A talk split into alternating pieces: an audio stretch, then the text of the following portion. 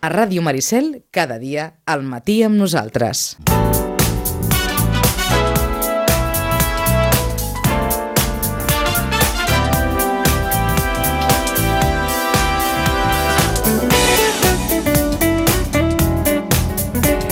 I com que encara recordem quan teníem en Dani Ferrarons a través d'alguna d'aquestes trucades virtuals i ens deia que venien mal dades, ara li hauríem de preguntar si és que es nota una certa alegria. O, o si aquesta sensació que tenim, que escolta, em sembla, sembla que, que, que s'hagi obert la porta i, i tothom surti abraonadament a gaudir de la vida i a fer inversions i a gastar-se els diners o totes aquestes coses. Dani Ferrarons, bon dia i bona hora. Bon dia, bona hora. Que es nota alegria? Sí. Sí, eh? Sí, sí. En aquesta època de l'any també sempre es nota ja de per si alegria, jo penso. Però després de, de dos anys de contenció, de no poder fer coses, de no poder fer activitats, de no poder tenir oci, de no poder gastar i de tenir eh, el cap en preocupacions, a la que et treuen les preocupacions, jo crec que és una mica com després de la crisi del 2008 al 2012, que van haver-hi uns anys de, de molta compra de vivendes, molt, hi havia una demanda latent de fer coses que durant quatre anys, o d'invertir o de comprar, mm -hmm. no havíem pogut fer i ara jo crec que es, que es tradueix més amb, amb l'oci, la restauració, el viatge, el consum, el que no s'ha pogut fer en aquests dos anys, i hi ha alegria i més a Sitges. O sigui que estem en un costat del pèndol Sí, i està per veure si anirem a parar a l'altre costat, eh? Perquè aquesta sensació que tenen alguns, que ja veuràs a la tardor o a l'hivern... sí. Sí? A veure, a la tardor l'hivern, perquè ara començarà un tema complicat, que és que comencen a acabar les carències dels ICOs Covid que es van donar en el seu dia. Llavors, els ICOs Covid ha sigut una eina doncs, mm, mitjanament bona perquè ha permès que no, que no tot es trenqués del tot amb, amb certa facilitat. No? També hi ha qui diu que és, és un, una... xutar la pilota endavant Sí. i ara es veurà, ara és, és on s'haurà de veure doncs, els que l'han de tornar, si poden començar a tornar i, i fer-ho de forma doncs, que, no els, que no els perjudiqui molt, molt la tesoreria pel dia a dia es continua funcionant i els que no puguin, aquí és on, on s'haurà de veure si hi haurà moratòries, si hi haurà renovacions, si hi haurà enquites i també s'haurà de veure perquè ara acabarà també la moratòria de la llei concursal. O sigui, fins ara les empreses no calia que anessin a concurs, les que ho necessitaven.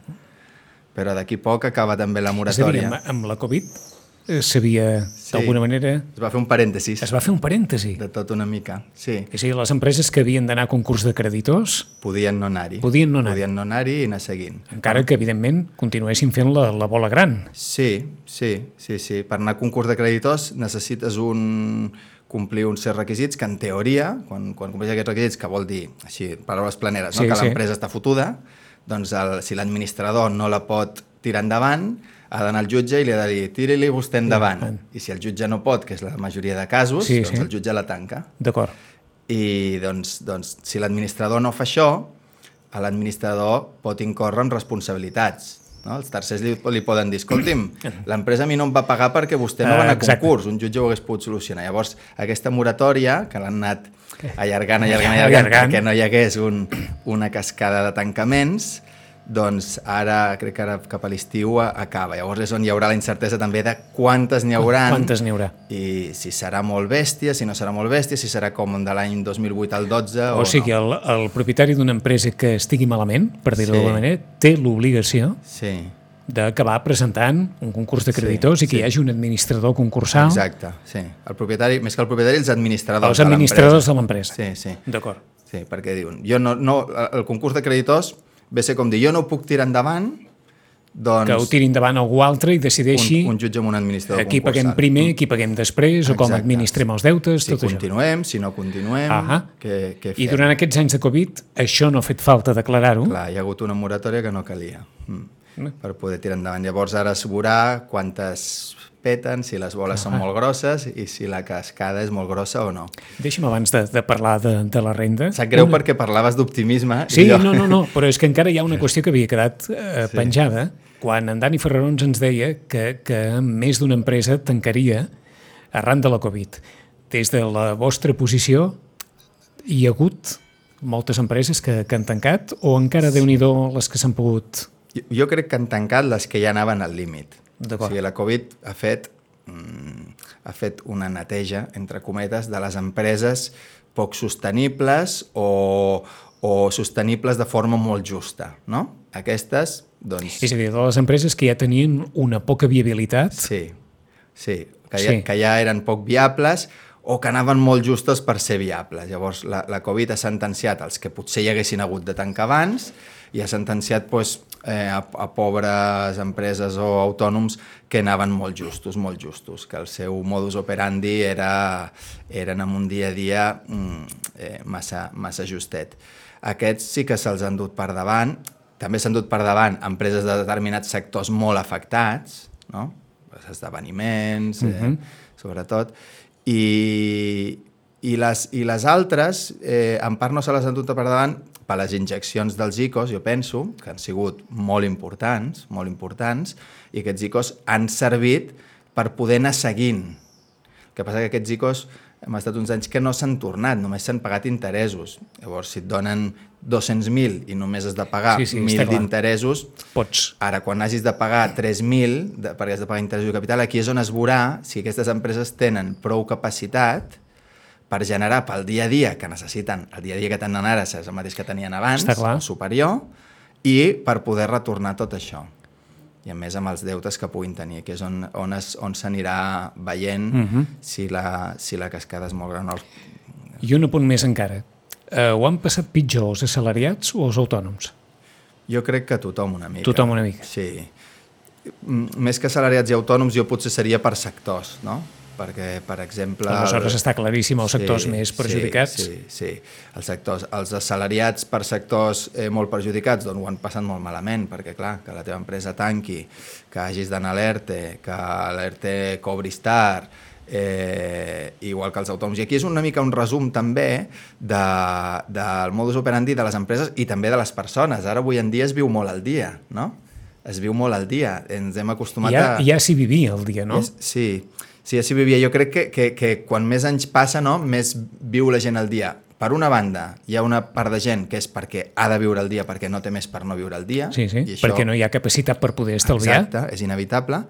I per una altra banda, perquè s'ha perdut la cultura de l'estalvi, no? dels nostres pares, dels nostres avis. Llavors aquí, en la Covid, eh, igual que, que mm. ha fet taula rasa amb els que ja anaven molt justos o que potser ja no havien de ser-hi, eh, la Covid ha perjudicat molt a la gent que vivia el dia, perquè tu et pots trobar un mateix treballador que guanyi el mateix en el sector de l'hostaleria, però que tingués 6.000 euros estalviats al banc i aquest senyor ha pogut viure Ha, tranquil. ha pogut salvar els mobles? Sí, ha, ha pogut salvar, viure Mínimament. tranquil, mínimament per les necessitats bàsiques. Però un altre que, que potser amb 20 i pico anys, eh, doncs que, que viuen el dia perquè si tenen 6.000 doncs van a, a viatjar a Tailàndia, que és totalment lícit o on sigui, doncs aquests són els que han patit. I el mateix amb els empresaris. Els empresaris els que tenien calaix, doncs entre el calaix i els ICOs han pogut tirar endavant, els que no tenien calaix, doncs mm, poguent haver hagut tenir pels anys que han sigut en teoria els anys del 14 al, al 20 van ser anys mitjanament bons Mhm. eh? a Espanya, a Catalunya, a Sitges mm, doncs aquests també també han patit més que els altres aquí ha sigut mm. La renda postpandèmia Sí. serà una renda que tornarà molts diners o no? tornarà molts diners. És una renda molt similar a nivell tributari a les dels anys anteriors. És a dir, a nivell d'esquema tributari és, és similar. Han canviat moltes novetats, com gairebé any, cada any hi ha novetats, Sí. però el que són els tipus eh, no canvien gaire, només canvien els trams alts. Llavors, amb... És a dir, en allò fonamental, Sí, la renda parteix dels mateixos criteris que l'any Sí, sí. 2021 i que l'any 2020. Sí, excepte alguns matisos, que un dels importants és els plans de pensions, que ara veurem, la resta, qui hagi guanyat el mateix el 21 que el 20 o que el 19 que el 18, no tindrà molta diferència, excepte algun, algun, D'acord. algun matís. Mira, ja que has començat per aquí, quan un diu els plans de pensions hi haurà canvis. Bé, per tots aquells que deuen pensar, escolta, tal com està tot, plans de pensions. Això vol dir que... Sí, els plans de pensions, sí, paradoxalment, que en teoria s'intenta impulsar els plans de pensions per complementar les pensions, perquè es, es veu i s'entén que les pensions, que el sistema de pensions no és viable, no? això queda bastant clar, tal com s'està entès a, a dia d'avui. De moment ja estan allargant les edats de jubilació, no ens podran fer plegar més tard, ja del 67, no? Llavors, si segueix no sent viable, eh, la següent pas, en principi ja, ja se'n parla, i jo ho dic fa molts anys, serà tocar el, les quanties de les pensions, no? Eh, Això ningú ho ha dit en veu alta? Bueno, Anna, Anna. ho han dit en veu baixa ja. Fins fa uns anys no, no ho deia ningú i només parlaven d'allargar la data de jubilació. Ara mateix ja s'ha dit, el, des, de, des, del, des del dit però un globus sonda, no? El, no, és, no és viable i, i, i els percentatges de pensió no és sostenible, no? Ja s'ha dit. Això és una cosa que dic des de fa molts anys. O destines altres recursos al sistema de pensions i prioritzes i passes impostos al sistema de pensions, com ja estan començant a fer, o si no és un sistema que no és viable. Llavors jo dic, quan tard o d'hora ho aniran canviant, el que passa que això normalment ho van canviant mica en mica. D'acord, o sigui que el que intueixes és ja no es tocarà més l'edat de la jubilació, perquè és difícilment ja tocable, no. perquè si no al final... Ens pensen jubilar als 70, ens, però... Ens acabarem tots jubilant com els bisbes o els capellans, sí, i tampoc ja no es poden jubilar als 75 o pas que van. Sí. Però, en qualsevol cas, això és difícilment ja me, sí. més tocable, en canvi, tota la resta sí. sí. La qüestió econòmica...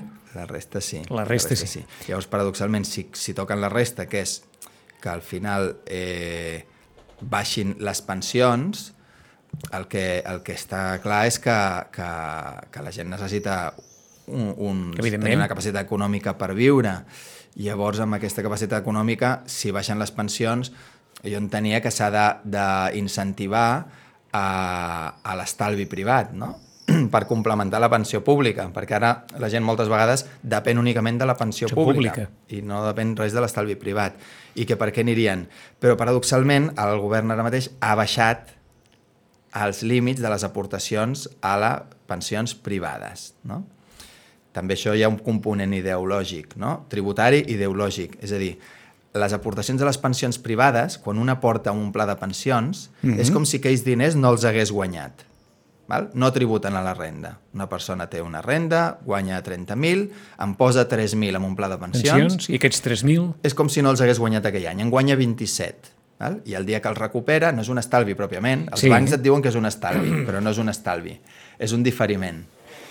Perquè l'any que els poses no pagues, però l'any que els recuperes quan et jubiles pagues. Pagues. Llavors pagues 20 anys, 30, 15, 10, més tard. Eh? Acabes pagant, eh, se suposa que quan et jubiles cobres menys, també pagues menys, però bueno. Eh, Diguem-ne que la clatellada ve més tard. Sí, ve més tard, ve, ve quan ho recuperes. Però la finalitat del pla de pensions com a vegades et, et venien els bancs, eh, no és un estalvi fiscal. La finalitat, l'objecte del pla de pensions és estalviar per complementar la pensió. Llavors, el, el diferiment fiscal només és un petit ajut amb aquest objecte que és complementar la pensió. Val? Què passava aquí? Que com que la renda, quan més guanyes més pagues, quan més guanyes més pagues, doncs acabava passant que els plans de pensions en gran mesura eren aprofitat per les rendes altes. Yes. Val? Perquè per desgravar les rendes altes, per Clar. no pagar tant les rendes Clar. altes. Perquè tothom s'ho pot deduir i tothom s'estalvia. Però a la renda, que ara parlem també dels tipus, sí.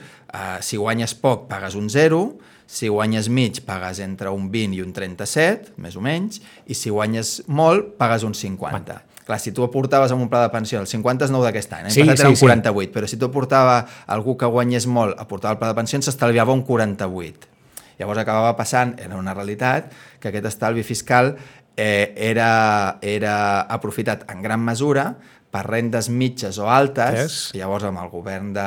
Bueno, i Podemos mm -hmm. eh, sí, sí. volgut, és a dir, ho ha volgut eliminar. S'injectaven diners al pla de pensions sí. perquè es podien injectar, evidentment, i Clar. això servia per no pagar sí. tant a la renta. Exacte, exacte.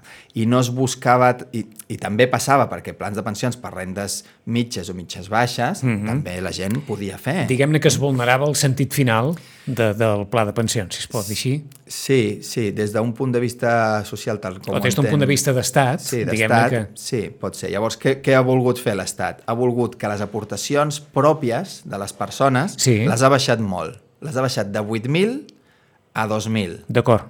I aquest any 2022 les ha tornat a baixar a 1.500. És a dir, ara d'alguna manera, sí. una aportació superior a 1.500 euros en un pla de pensions? No, no es pot. No es pot? No. una aportació que faci una persona. Que faci una persona, Un se'n eh? va a l'entitat financera, Sí, sí. diu, vull aportar al pla de O pensions. una persona que ja tingui un pla de pensions Exacte. no pot aportar més de 1.500 euros l'any. Exacte, sí, sí, sí. sí, sí. És a dir, allò que arribava a final d'any i l'entitat deia escolta, quan, vol, quan vols posar? Sí, ara ja no trucaran. Oh, ara ja no trucaran. No sé o, o trucaran per 1.500. És evident que no, només. eh? Sí. D'acord. És a dir, com si fiquessis 120 euros al mes. Vaja. Sí, Però, sí, exacte. El que passa que aquest límit no l'han tocat per les aportacions empresarials. És a dir, el que busca el govern és que les aportacions als plans de pensions no ho facin les persones, sinó que ho facin les empreses que tenen treballadors. perquè si ho fan les persones, ho acabaran fer les persones que tenen capacitat o que tenen assessorament o que el banc els truca perquè tenen una certa renda eh, i amb aquests ho baixen val? a 1.500. Ah, Però si les empreses, en lloc de dir ah, pujaré 2.000 euros al sou aquest any, li diu a la, volen que li diguem a la persona et pujaré 2.000 euros, però en lloc de donar-te'ls te'l posaré al pla de pensions. El que passa que això, la teoria està molt bé, però no hi ha una cultura de promoure plans de perquè, pensions esclar, a, aquí. aleshores intueixo que això va en el camí que les empreses puguin subscriure plans de pensions Sí. pels seus treballadors. Sí, exacte. Aquesta és la idea. Aquesta és la idea. Sí, el que passa que si no hi ha una cultura de plans de pensions ni per les empreses ni per les persones, No perquè, que, vaja, clar, quan un, a un treballador se li digui escolta, m'has de co cobraràs 2.000 més però no veuràs res, perquè És. els tindràs al pla. Doncs el treballador potser preferiria cobrar els 2.000 en lloc de tenir-los al pla perquè no hi ha la cultura ja, de I plans. jo ja sabré què fer en el seu moment. Exacte, exacte. Llavors aquí potser s'hagués hagut de començar primer per instaurar una cultura de plans de pensions o d'estalvi per complementar la jubilació i després canviar els mecanismes, penso jo. No? És a dir, que d'alguna manera les entitats bancàries havien trobat en el, en el pla de pensions una manera de, de vendre també Sí. una desgravació Sí. eh, fiscal a la renda Correcte. i, i l'Estat, en canvi, ara vol que siguin les empreses les que contractin plans de pensions Correcte, sí. per complementar, repetim, la pensió de l'Estat, perquè la caixa de les pensions de l'Estat està com està. Exacte. Que, O o que sigui- no hem de perdre de vista que els plans de pensions no és un instrument fiscal, és un instrument econòmic-social per complementar les pensions de quan la gent es jubili. L'estalvi fiscal és un col·lateral de la, de la finalitat dels plans. I havíem acabat gairebé, diguem, que Sí. van posant la segona condició per davant de la primera, sí, eh? només pensant en l'estalvi fiscal. Pensant en l'estalvi fiscal. fiscal. I després ja en parlarem, perquè com que tothom després no sap què dir sobre què passarà d'aquí 10 anys o d'aquí 20, Sí. Sí, i els plans de pensions també, eh, clar, hem passat crisis importants, la crisi, per exemple, del, la del Covid també, però el Covid ja es va posar un mecanisme per poder recuperar plans de pensions a qui patia. Però la crisi del 2008 al 12, que era una crisi important per treballadors, sectors de la construcció, empreses, i la gent que tenia els plans de pensions allà els tenia congelats, no els podia tocar. Llavors, clar, als plans de pensions no hi ha una cultura molt gran d'estalvi per la pensió. Aquí. Ara pregunto una qüestió col·lateral aquesta, Sí. però que segurament més d'un també també poder pensar que és un, que, que diguem-ne que és quelcom molt habitual als països anglosaxons i sobretot a Nord-Amèrica. La qüestió dels plans de salut, Mm. de complementar, si es vol, la sanitat pública amb un pla de salut eh, privat. I com saben tots vostès, a la declaració de la renda també en el seu moment es podia desgravar mm. la, les aportacions a un, a un pla de salut eh, privat, mm. però no sé si en algun moment també acabarem en aquest camí pel que fa referència a la sanitat, tenint en compte Sí, no ho sé, no ho sé perquè precisament aquí la sanitat ara no són deduïbles els plans de pensions Per- de, de, els plans de salut, plans de eh? salut. Però, en són canvi- deduïbles amb els empresaris individuals amb uns límits petits però en però, canvi bueno, s'estan publicitant però, però d'una manera bàrbara, Sí. sobretot en determinades hores del dia, gairebé d'una manera continuada, hi ha un rosari d'ofertes de, Sí. de plans de salut de, de, de por, eh? sí, Però, però, però no sé si... no en desgraven, eh? No, no en desgraven. I no sé si des del govern, un govern que vol, el, precisament el que hi ha ara, que vol eh, focalitzar a, a augmentar la sanitat pública, doncs no crec que, Que no vagi per aquí, vagi eh? per aquí. Però en el cas dels plans de pensions- Són diferents, perquè tant, el que volen és quan menys cosa pública millor, perquè entenc que la privada va millor, i llavors feu tot privat. No? Sí, sí. Però aquí ara mateix està en direcció contrària. Però, en canvi, pel que fa referència, en aquest cas, als plans de pensions, aquí el que es vol és que siguin les empreses les sí. que portin la capdavantera amb això i els sí. plans de pensions privats, o que pugui tenir qualsevol de vostès o qualsevol de nosaltres, si és que el té, sí. no poden superar una quantitat de 1.500 euros sí. l'any d'aportació. Sí, a partir del 22, 1.500. El A partir del 22. El 21 eren 2.000. D'acord. Van passar de 8.000 a 2.000, Mil. o sigui, una reducció molt dràstica. Del I 20 aquest any de 21. 2.000 a 1.500. Sí, D'acord. sí. Hem començat per aquí, però vinga, anem al principi de tot, que és com sempre els tipus, allò famós de, dels, sí. dels diferents eh, estrats i dels diferents calaixos. Els tipus, ràpidament. A la renda, dins de la renda hi han com dues subrendes. Eh? Una part que és la part general, que és on van els rendiments més normals, que és el treball, les activitats econòmiques o, la, o els immobles, eh? val? el lloguers, els, els, els, rendiments immobiliaris. Val? I aquí són uns tipus que, que van pujant bastant. Comença per 0, després segueix per 21 i mig, va pujant, va pujant. L'any passat era 48, a l'últim Mhm. tram. El màxim. L'any passat, quan parlo de l'any passat, jo parlo de l'any 2020, Vint, eh? I llavors, a l'any 2021 l'han pujat dos punts, llavors a l'últim tram és del 50%. O sigui, la renda d'aquest any, Sí, les persones, diguem-ne, d'alta cartera... sí. Qui guanyi més de 50%. 300.000 euros, cada euro de més que guanyi, el 50 anirà per l'Estat i el 50 per ell. Val? Fins ara era el 48, eh, ara ha passat al 50. Això la part general. Després hi ha la part de l'estalvi, que és on declarem els interessos del banc, ara ja no n'hi ha, però és on els declaràvem, els dividends, capital mobiliari, els guanys i pèrdues patrimonials, si ven accions, si ven un immoble, les coses que, que són ja o relacionat amb, amb, amb mobiliari, no? amb estalvi, o, o guanys patrimonials, perquè ven cosa. Aquí, eren, aquí els tipus són més baixos, eh? només n'hi havia 3, que era 21, ai, 19, 21 i 23, i han fet un nou tram del 26, a partir de 200.000 euros. D'acord. O sigui, qui vengui una casa i guanyi 201.000 euros, doncs aquell 1.000 euros de més Yes. a partir de 200.000 pagarà el 26, abans era tot un 23. Val? Això són els trams que, que hi ha ara, només han modificat, resumint, els dos trams últims per dalt, els, que, els, Els de les rendes els més de les altes. rendes més altes, tant a la part general com a la de l'estalvi. Tots els altres trams de les rendes menys altes, eh, mitges, baixes, són els mateixos. Mm -hmm. Hem parlat ja de les reduccions de les aportacions als plans de, de pensions i ara, reducció de, en aquest cas, aportacions, reducció pels propietaris de locals que arrendin a determinades activitats colpejades per la crisi de la Covid. O sigui, si un propietari vol o arrenda el seu local a una de les activitats que s'entenguin que ha estat especialment... Exacte. Hi ha tota una llista d'activitats, Ah, eh? a la llista es veu, se la poden imaginar. es veu que sí, qui hi ha i qui no, eh? hi, ha, hi ha algunes disfuncions a la llista, però bueno, Sí? sí? això sempre passa. Eh, I aquí què es busca? Com que ara, durant la Covid s'ha obligat s'ha obligat als propietaris, als grans tenidors, a baixar rendes i als no grans tenidors se'ls ha suggerit que havien de baixar, eh, després d'un de, any eh, i mig suggerint que heu Sí. de baixar rendes, doncs al final van dir "És que clar, aquí els propietaris hi ha de tot, no? Hi ha propietaris que depenen de la seva renda del seu lloguer per viure. Mm? Doncs... Diguem-ne aquells propietaris que, que, que, que, que no tenen en l'especulació la seva prioritat. Exacte. Doncs, bueno, com que hem demanat molt, doncs al final van agafar i van dir, vinga, doncs els que heu baixat, només en un trimestre, hi ha qui ha tingut sort i n'hi ha qui no, Sí. els que heu baixat i us ha enganxat que aquell trimestre qui hagi baixat, doncs li posem una deducció addicional perquè hagi baixat la renda en aquell trimestre. En aquell trimestre. Sí, en I, aquell evidentment, trimestre. pugui demostrar que va baixar la renda Sí, sí. al seu inquilí. Eh? Exacte, que ha de, ser, ha de ser la renda que es va cobrar aquell trimestre, però ha d'estar per sota de la que es va cobrar el, el contracte inicial. Els altres tres trimestres no, ho vam fer en un trimestre. D'acord. Eh? Aleshores, la deducció... Bueno, dir, qui hagi, qui hagi bueno, tingut esclar, la sort... Val la pena aprofitar-la, sí, però, però Sí, sí, sí. no, no és allò... No, Bé. no és, no és, no és allò... Pel un... fet de ser en un trimestre només, no, eh? Sí, perquè clar, la Covid La pràcticament Covid ha durat bastants trimestres. han durat uns 18, no? així forta a nivell de rendes eh, i, i, i, i de plans no? de, de, Mhm. per actuació, que és el que mig obligava els propietaris a baixar. Eh? Per tant, com apuntes aquí, Dani, primer trimestre del 2021. Correcte. O sigui, si vostès, gener, febrer, març del Sí. 2021, van baixar Correcte. el lloguer dels seus inquilins, Sí. això Té els dret, pot té dret beneficiar. a una deducció. Mhm, sí, sí, D'acord.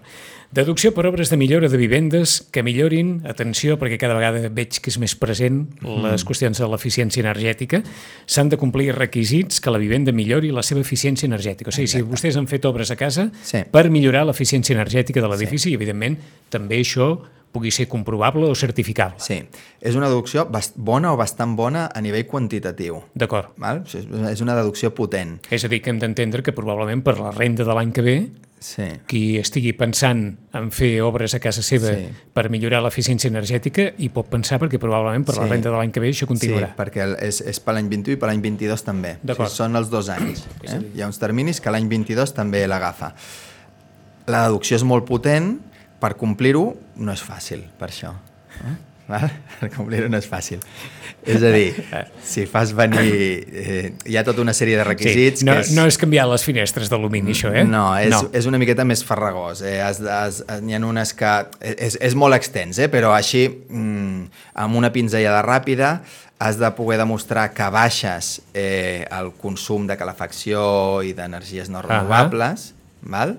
Has, Vu- Vull creure que has de tenir algú que et certifiqui l'estat actual de la vivenda Sí, des del punt de vista sí. energètic Sí. i algú que et certifiqui com ha quedat la teva Sí. vivenda després de la reforma. Sí, n'hi ha, ha tres d'elles, n'hi ha tres deduccions, difereixen una mica, això Sí. qui ho hagi de fer, doncs, el millor és que s'ho miri bé cada una d'elles, quina pot... Abans de fer-ho, Abans. perquè n'hi han dos d'elles, si no recordo malament, que, que precisen que un arquitecte et faci un certificat energètic. Ara hi ha uns certificats energètics que quan es ven un immoble o es lloga, en teoria has de tenir un certificat energètic, que és un facultatiu, un arquitecte ve Ahà. a casa i et diu la teva casa energèticament és o A o B o O C o C D, D. no?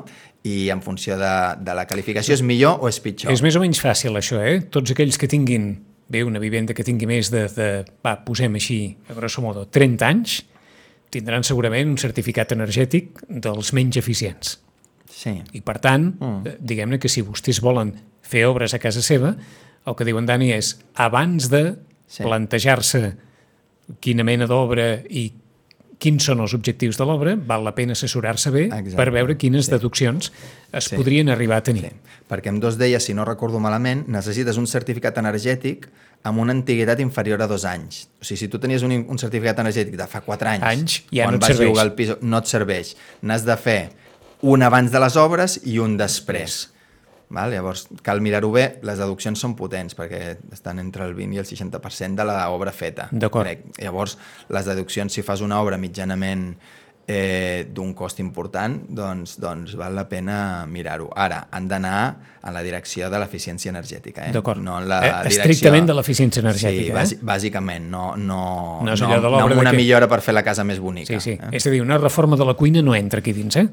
Si comences a estalviar amb la cuina, estalvies gas i tal, doncs per aquí potser sí, però si fas la cuina per, perquè els mobles eren Ahà. antics, no. Però en diguem-ne que, que està més, entenc que està més pensat per una reforma global que permeti que aquell, Sí. que aquell immoble, que aquell habitatge millori significativament Exacte. la seva eficiència I consum- energètica. I eh? consumeixi menys I consumeixi energia no menys. renovable. Aquest- Per tant, hi ha una deducció important Mm. per obres de millora a les vivendes que millorin l'eficiència energètica, però, com deia en Dani, s'han de complir requisits i els requisits són, eh, com ho diríem això, farragosos. Eh? Sí.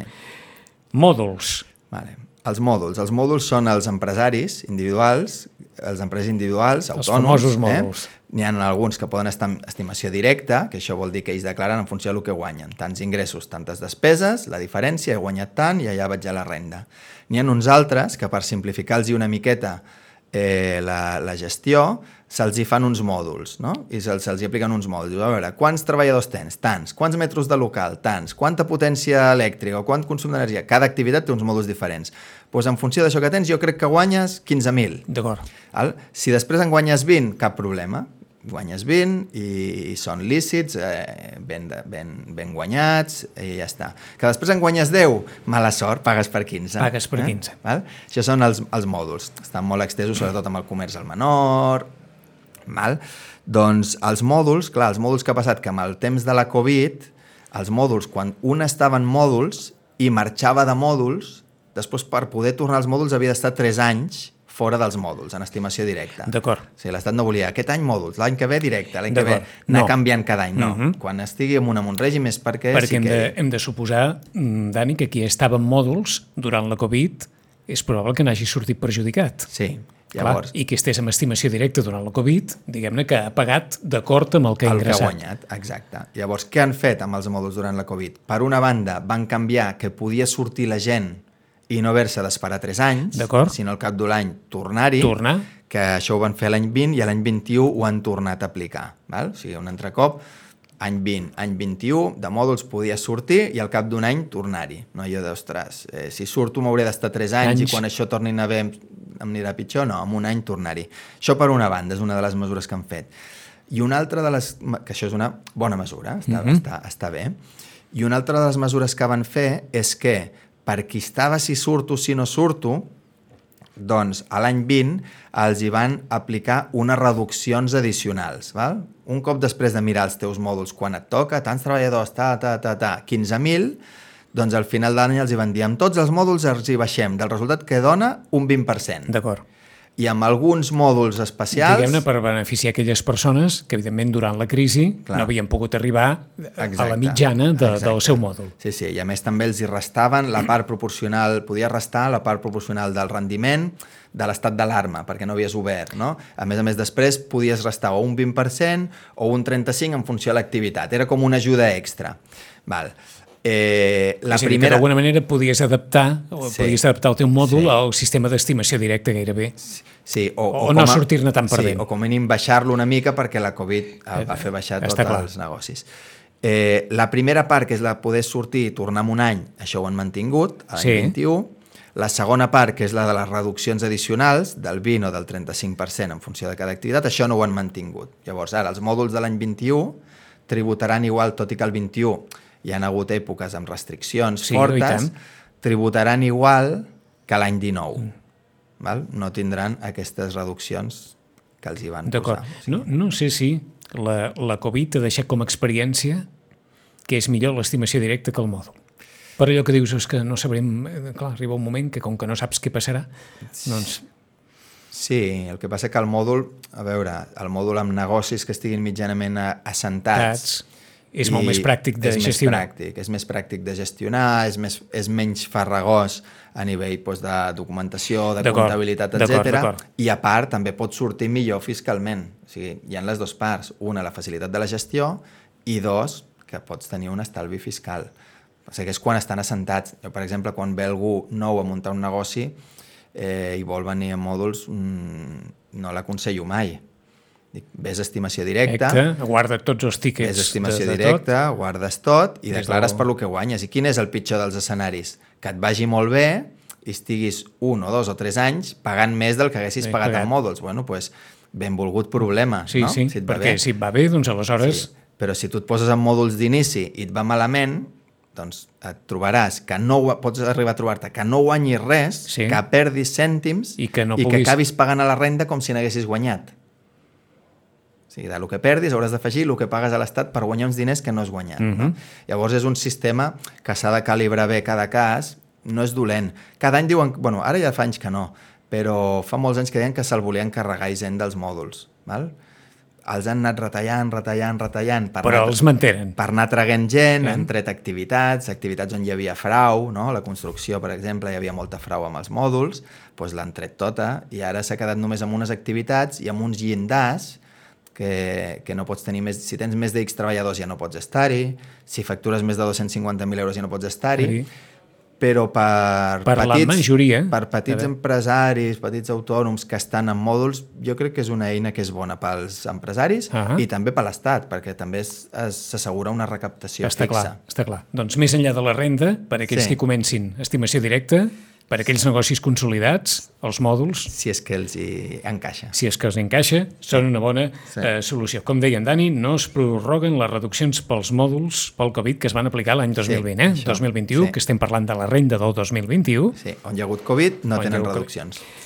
Capital Immobiliari redueix de 6 a 3 mesos el termini per considerar una renda com a dubtós cobrament si no s'ha cobrat i que sigui després de deduïble com el 2020. Exacte. Mare de Déu, o sigui que ara passats 3 mesos, sí, ja... si no reclames, adeu-siau. Ja tu... No, no, no, això vol dir que si un no cobra, que estan amb capital immobiliari, és a dir, lloguers, eh? ah, lloguers, entesos. lloguers, igual que també amb els empresaris individuals, eh?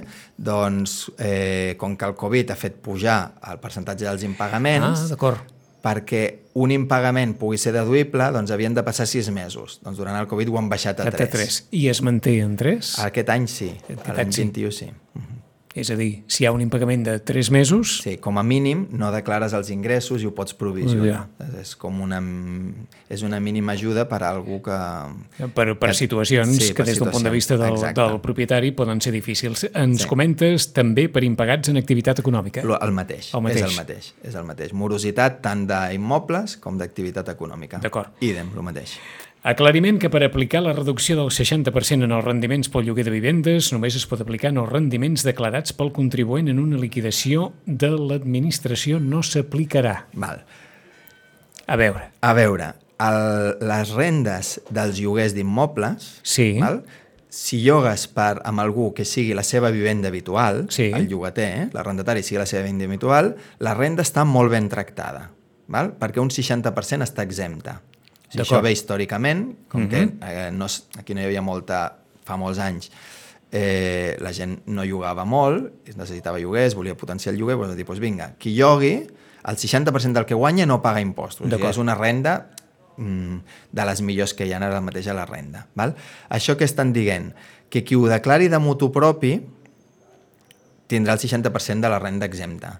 Però qui no ho declari i l'administració l'enxampi que està eh, un, un lloguer no declarant-lo, no tindrà aquest 60%. Val?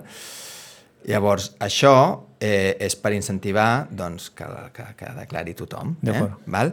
Eh, aquest cas, que això ja era així, aquesta interpretació d'Hisenda, hi va haver un tribunal que va dir que va dir, no, aquí l'administració, l'enxampi, també es pot reduir el 60% perquè la llei no ho diu explícitament, no? Com que hi ha hagut en aquests últims anys moltes, moltes, moltes, ara després en parlarem d'alguna, de sentències de tribunals que els hi pica la cresta Hisenda, no? que els hi, els hi ve dir, esteu aplicant, en la gran majoria, la norma de forma massa restrictiva. Pues hi ha hagut algunes d'aquestes picades de cresta que què ha fet Hisenda després? Pues ha tornat a fer la llei i ja ho ha deixat clar a la llei, perquè no sigui una interpretació, i això és una d'elles. Llavors, el resum d'això, el resum, eh, és que les rendes dels lloguers d'immobles sí. estan molt ben tractades. Lloguers d'immobles per vivenda habitual. Si són lloguers de locals, no. Si són lloguers de pisos turístics, No. tampoc. Lloguers per, perquè la gent tingui una vivenda habitual. Estan molt ben tractades. és a dir, surt, continua sortint a compte per als Sí. propietaris Sí. llogar vivendes per Per persones que s'hi quedin a viure. Exacte. Des d'un punt de vista fiscal, sí. Eh, i ara, s'ha de tenir en compte que aquesta reducció només la tens si tu ho declares. És a dir, si no ho declares no la tindràs, o fins i tot si ho declares i després hi ha alguna discrepància, perquè dius, jo m'he posat una obra de millora com a despesa deduïble i Hisenda entén que no, Ja. i aquella obra de millora te la treu, doncs aquella no tindrà la reducció del 60% aquella part. Eh? Val? Però en qualsevol cas és una bona deducció. Sí, és una molt és bona evident. deducció. I afavoreix, hem de suposar, diguem-ne, que els pisos serveixin per allò que fonamentalment estan fets, que és per Exacte, viure. Per viure-hi. Mm? -huh. Va. Seguim endavant. I anem a aquesta qüestió que ens apuntava en Dani sobre el pronunciament de tribunals. El Tribunal Suprem aclareix que l'amortització dels immobles adquirits per herència es pot fer pel cost d'adquisició i no per les despeses efectivament pagades, com venia interpretant Hisenda. A veure, Vinga, a veure, pronunciaments de tribunals, aquí n'he posat un parell Sí. o tres només, n'hi han, han hagut moltíssims. El 90% eh, li, li acaba di, donant la raó a, del pronunciaments del, del Suprem al contribuent. aquí quan- acabaríem obrint un altre, un altre Sí, meló, eh? aquí- que és, aquí obriríem. mentre el tribunal no dona la raó al contribuent, Sí, sí. el contribuent, perdó de l'expressió, les passa putes, perquè Hisenda no baixa del burro ni a la de tres. Sí, Eh? sí, i el contribuent que ha arribat al Suprem, mira, les haurà passat com sigui, però acabarà guanyant, En. però tots els que estan en la mateixa situació i no hi han anat, pues, les, ho haurà acabat perdent. Exacte. Per tant, Hisenda juga aquest desgast. És a dir, Teori, teori, teòricament no hauria de ser no així, però, de ser així, però, bueno, però juga absolutament el desgast del contribuent i guanyen aquells contribuents que tenen el, el valor i la convicció de dir Sí. això no és just i Sí. me'n vaig fins al final. Exacte, exacte. Llavors, això acostuma a passar amb interpretacions de la norma, amb interpretacions que la norma no ho diu ben clar, i Hisenda, sobretot aquests últims anys, doncs té una facilitat eh, d'interpretar-la de forma restrictiva. Eh, eh. O, o favorable a Hisenda. favorable a Hisenda o de forma molt restrictiva de cara al contribuent. Com si algú hagués trucat des de dalt i dir feu el possible per no perdre diners. Sí. Doncs bé, Sí, llavors, eh, aquesta, aquesta és, doncs, és un detall que, que et diu una persona hereda un pis, Sí. hereda un pis, paga els seus impostos de, de successions o donacions, que ara a més a més es paguen, eh, i després de pagar els impostos, Hisenda li deia, no, però per tu, per, eh, quan llogues el pis, sempre que es lloga un pis, es pot deduir una part de l'amortització de l'immoble. Representar l'immoble es va fent malbé, la part de l'immoble, Sí. i pots posar allà una petita despesa, o no tan petita, depèn del valor d'adquisició, del valor catastral, és un càlcul complex. Però Hisenda aquí els hi deia eh, qui heredi un pis no us deixo amortitzar, pràcticament. Val? Llavors, al final, els tribunals han acabat dient escolta'm, si hereden un pis, t'estan pagant l'impost de successions Exacte. per un import de 200.000 i et paguen en funció de 200.000, Tu estan pagant tot. doncs però- deixa'ls amortitzar per 200.000, no els hi diguis que només poden amortitzar per lo que li han pagat amb el notari, el registre i l'advocat, perquè això no pot ser. Val? I, el, I el tribunal els hi ha picat la cresta dient si els fas pagar al principi, després els deixes amortitzar al final. Eh? Una miqueta és el, el, el resum. Segon, el Tribunal Constitucional tomba la reducció per mínims personals que va establir Catalunya de cara al 2022. Catalunya baixa els tipus impositius en rendes baixes i els puja en rendes mitges per buscar el mateix efecte. Sí. Bueno, això és la part fiscal de, de tot el tema del Tribunal Constitucional no, en Catalunya que hi ha, que hi ha hagut, doncs aquí hi ha la part, la part fiscal. Eh, com que la renda, la meitat de la renda va a l'Estat i l'altra meitat va a la comunitat autònoma, la comunitat autònoma també té certa capacitat normativa. Per exemple, els tipus, allò que dèiem, del 0 al 50%, Sí. doncs a Catalunya és el 50%, però a Madrid és un 40 i poc, a València és una mica més, a, a, Allò que dèiem que aquí ens apreten especialment amb alguns... Sí, aquí hi ha altres comunitats. eh? El resum potser no és tant que aquí ens apreten, sinó que, que hi ha unes certes comunitats que estan millor, que són bàsicament les del PP, a nivell, a nivell fiscal. D'acord. Eh? Val? Eh, a partir d'aquí, què va fer Catalunya? Doncs hi ha uns mínims, a part que, que, que hi ha uns tipus que van pujant quan, quan més es guanya, hi ha uns mínims que no paguen impostos, no? Això tot arreu. I aquests mínims van en funció, doncs cada persona té un mínim de 5.550. 5.000 els primers 5.550 euros no paguen impostos de ningú. Si tens un fill, doncs puja amb 2.400. Si tens un segon, puja amb tant més. Si tens discapacitat, puja amb tant més. A partir d'una edat, puja, no? Llavors et pots trobar amb uns mínims més alts o més baixos. Catalunya va pujar aquests mínims per les rentes baixes. Ahà. Però llavors el, el Tribunal Constitucional va acabar dient que Catalunya no ho podia fer això, perquè la capacitat normativa que se li trasllada a la comunitat autònoma és per tipus, és per deduccions i és per alguna altra cosa, però no per tocar mínims. Llavors, això és una, és una cosa que a l'any 20 ja la vam aplicar, aquests mínims, a Catalunya. D'acord. Llavors el tribunal s'ho ha carregat i no ho ha deixat aplicar ara. Què ha fet Catalunya? No per aquesta renda de l'any 21, sinó per la renda de l'any 22 ha dit, vale, doncs accepto, no puc tocar, No els, puc tocar mínims, els mínims. que jo volia que les rendes baixes eh, paguessin una miqueta menys, eh, el que ha fet ha sigut variar els tipus, els ha variat i els ha baixat una mica les rendes baixes. D'acord, per compensar que no pot tocar els mínims. Sí, el que passa és que quan toques els tipus a les rentes baixes, se'n beneficien les rentes baixes i les rentes altes, Altes. perquè els primers trams són, són uns trams que són per tothom. Clar, qui, clar, perquè qui els tothom, eh, passa. està clar. I llavors ha acabat fent una baixada dels tipus a les rentes baixes i una pujada dels tipus a les rentes, Rentes mitges. Mitges. I llavors, les baixes se'n beneficien i les mitges i les altes que es beneficien de la baixada de les baixes se'ls hi puja Puja per compensar. per compensar. És una miqueta un... O sigui, és un joc de compensacions Sí. a partir de no poder pujar Els mínims. els mínims, eh? Sí, sí. Entenc que és un joc de compensacions perquè surti el pressupost. Està clar. I ja està. Avancem. No és necessari un carnet de família nombrosa per poder aplicar les deduccions per família nombrosa com exigir Hisenda. Sí, exacte. Hisenda et deia que si no tenies el carnet de família nombrosa, hi ha unes deduccions per, te, per ser família nombrosa, no et podies aplicar la deducció. O sigui, hi ha una deducció que diu que per família nombrosa doncs li donen a una família nombrosa 1.200 euros. Quan Sí. accedeix un fill, una mica més. Quan és especial, una mica més. Havia pensat això del carnet, que hi havia carnet de família nombrosa. Sí, sí, hi ha carnet, no? Hi ha, hi ha carnet de família nombrosa, igual que hi ha també reconeixement de discapacitat. Ah, està clar. No? El reconeixement de discapacitat doncs, té més sentit perquè el fa un metge, que és el que ha de dictaminar si és El discapacitat... 33%, o no. 66, tot. El carnet de la família nombrosa està delegat a les comunitats autònomes i és els que donen el carnet i llavors moltes vegades doncs, per aplicar certs descomptes que podrien haver en les famílies nombroses, doncs portes el carnet i t'ho apliquen. Ahà. I Hisenda et deia, jo dono una deducció a les famílies nombroses però resulta que aquí no tenia carnet perquè no el volia, Yeah. perquè, perquè, la, perquè el carnet serveix per ben poca cosa, no? Doncs deia, però si no tens carnet... Carnet, jo no et dedueixo. No et dedueixo. Fins que això al final és una de tantes d'aquestes que ha arribat a un tribunal i el, i el senyor jutge ha dit doncs qui sigui família nombrosa, perquè ser família nombrosa és tenir tres fills, no? Ahà. Si tu a la renda declares tres fills, ja veus clarament que ets família nombrosa. Doncs, És el que anava a dir. doncs li, apli li si han- apliqueu i ja està. Si ho deixes si ho fas constar en el document, doncs aleshores... Sí, sí. Bé. També no és tan fàcil perquè les famílies nombroses cada vegada també és més difícil el tema. Hi ha famílies nombroses que van en funció de la discapacitat, hi ha les famílies nombroses en casos de separació, pot tenir dret un, no pot Clar, tenir o sigui dret hi, ha, l'altre. hi ha una casuística molt diferent. Hi ha una casuística diferent de la típica família nombrosa de eh, parella amb tres fills, sí, sí. família nombrosa, però bueno, Hisenda eh, deia que no, deia jo vull que em portis el carnet, no vull entrar a mirar No, res no més. m'expliquis no m'expliquis la vida, jo vull el carnet. I ara mateix el jutge diu, si li expliques la vida, pots deduir. Pots deduir.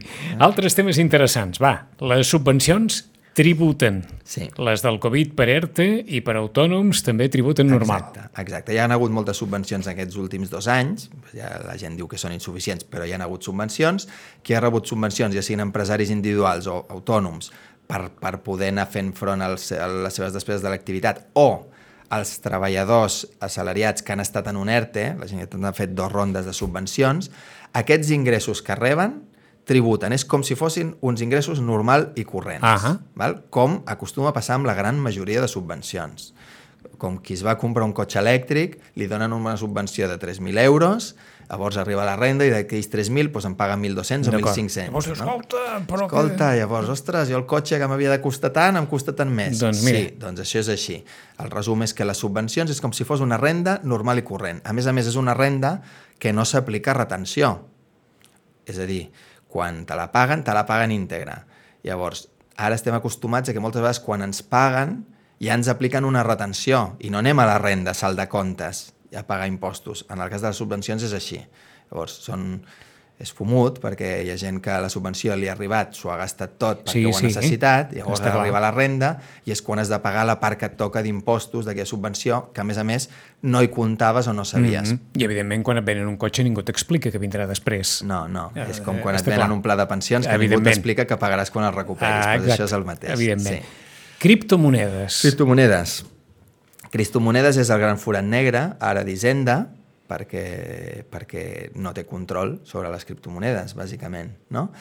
I intenta tenir control, i és molt difícil tenir control, llavors està fent una campanya molt forta per dir que les criptomonedes s'han de declarar, eh, però té una capacitat limitada, perquè, clar, si tens uns diners a, a, a la caixa, la caixa cada any Hisenda li diu els diners que tens, Està clar. però si tens uns diners amb un servidor a Israel, doncs Hisenda no sap si has guanyat, si has perdut o què has fet.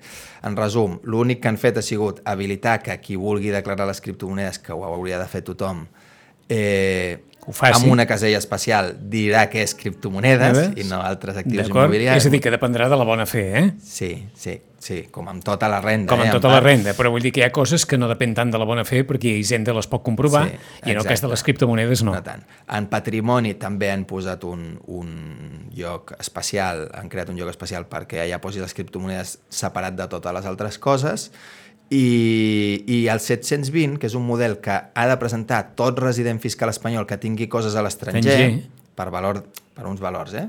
Per, és més de 50.000 euros i hi ha uns blocs de, de, de coses. Però qui tingui coses a l'estranger ha de presentar cada mes de, de febrer, un, ai, de març, un model 720 dient no pagues res, sinó simplement dius ei, jo tinc, Jo tinc un això." pis als Estats Units i tal, no? Doncs aquí no van arribar a temps per incloure les criptomonedes, no? I, i ara ho faran de cara a l'any que ve perquè la gent també les declari allà. Una, un apunt de les criptomonedes que més enllà del tema fiscal que s'ha de declarar queda una miqueta a la bona voluntat de la, de la gent que deies al principi, has Sí, fet una reflexió sí, sí. castell de cartes, Eh, és que- ja comença a haver-hi ja comença a haver-hi eh, situacions importants de fraus amb les criptomonedes. Ja a nivell professional ja ens estem trobant de, de, De, de persones que... sí, que han posat els diners i que al final allà darrere no, no, No, no, hi- no hi ha criptomoneda ni I, hi ha res. I, és clar, vés a, reclamar, vés a reclamar a Roma. Dificilíssim. Dificilíssim, no? Sí, Perquè de la mateixa manera que Hisenda no pot seguir el fil, Sí. o, o la persona tampoc podrà seguir el fil, Dificilíssim, perquè si et deixa de deure a alguna persona aquí a Espanya amb un CIF, amb un DNI, I el jutjat al final el El pot a trobar, el pot trobar, després tindrà o no per pagar-te. Però aquí... Aleshores, clar, per, per acabar la pregunta és molt, és molt òbvia. Això no fa una mica de por? Sí, fa una mica de por. És veritat que els, la gent de les criptomonedes són gent, com ho diria, eh, que tenen una fe molt forta amb les criptomonedes, normalment, no?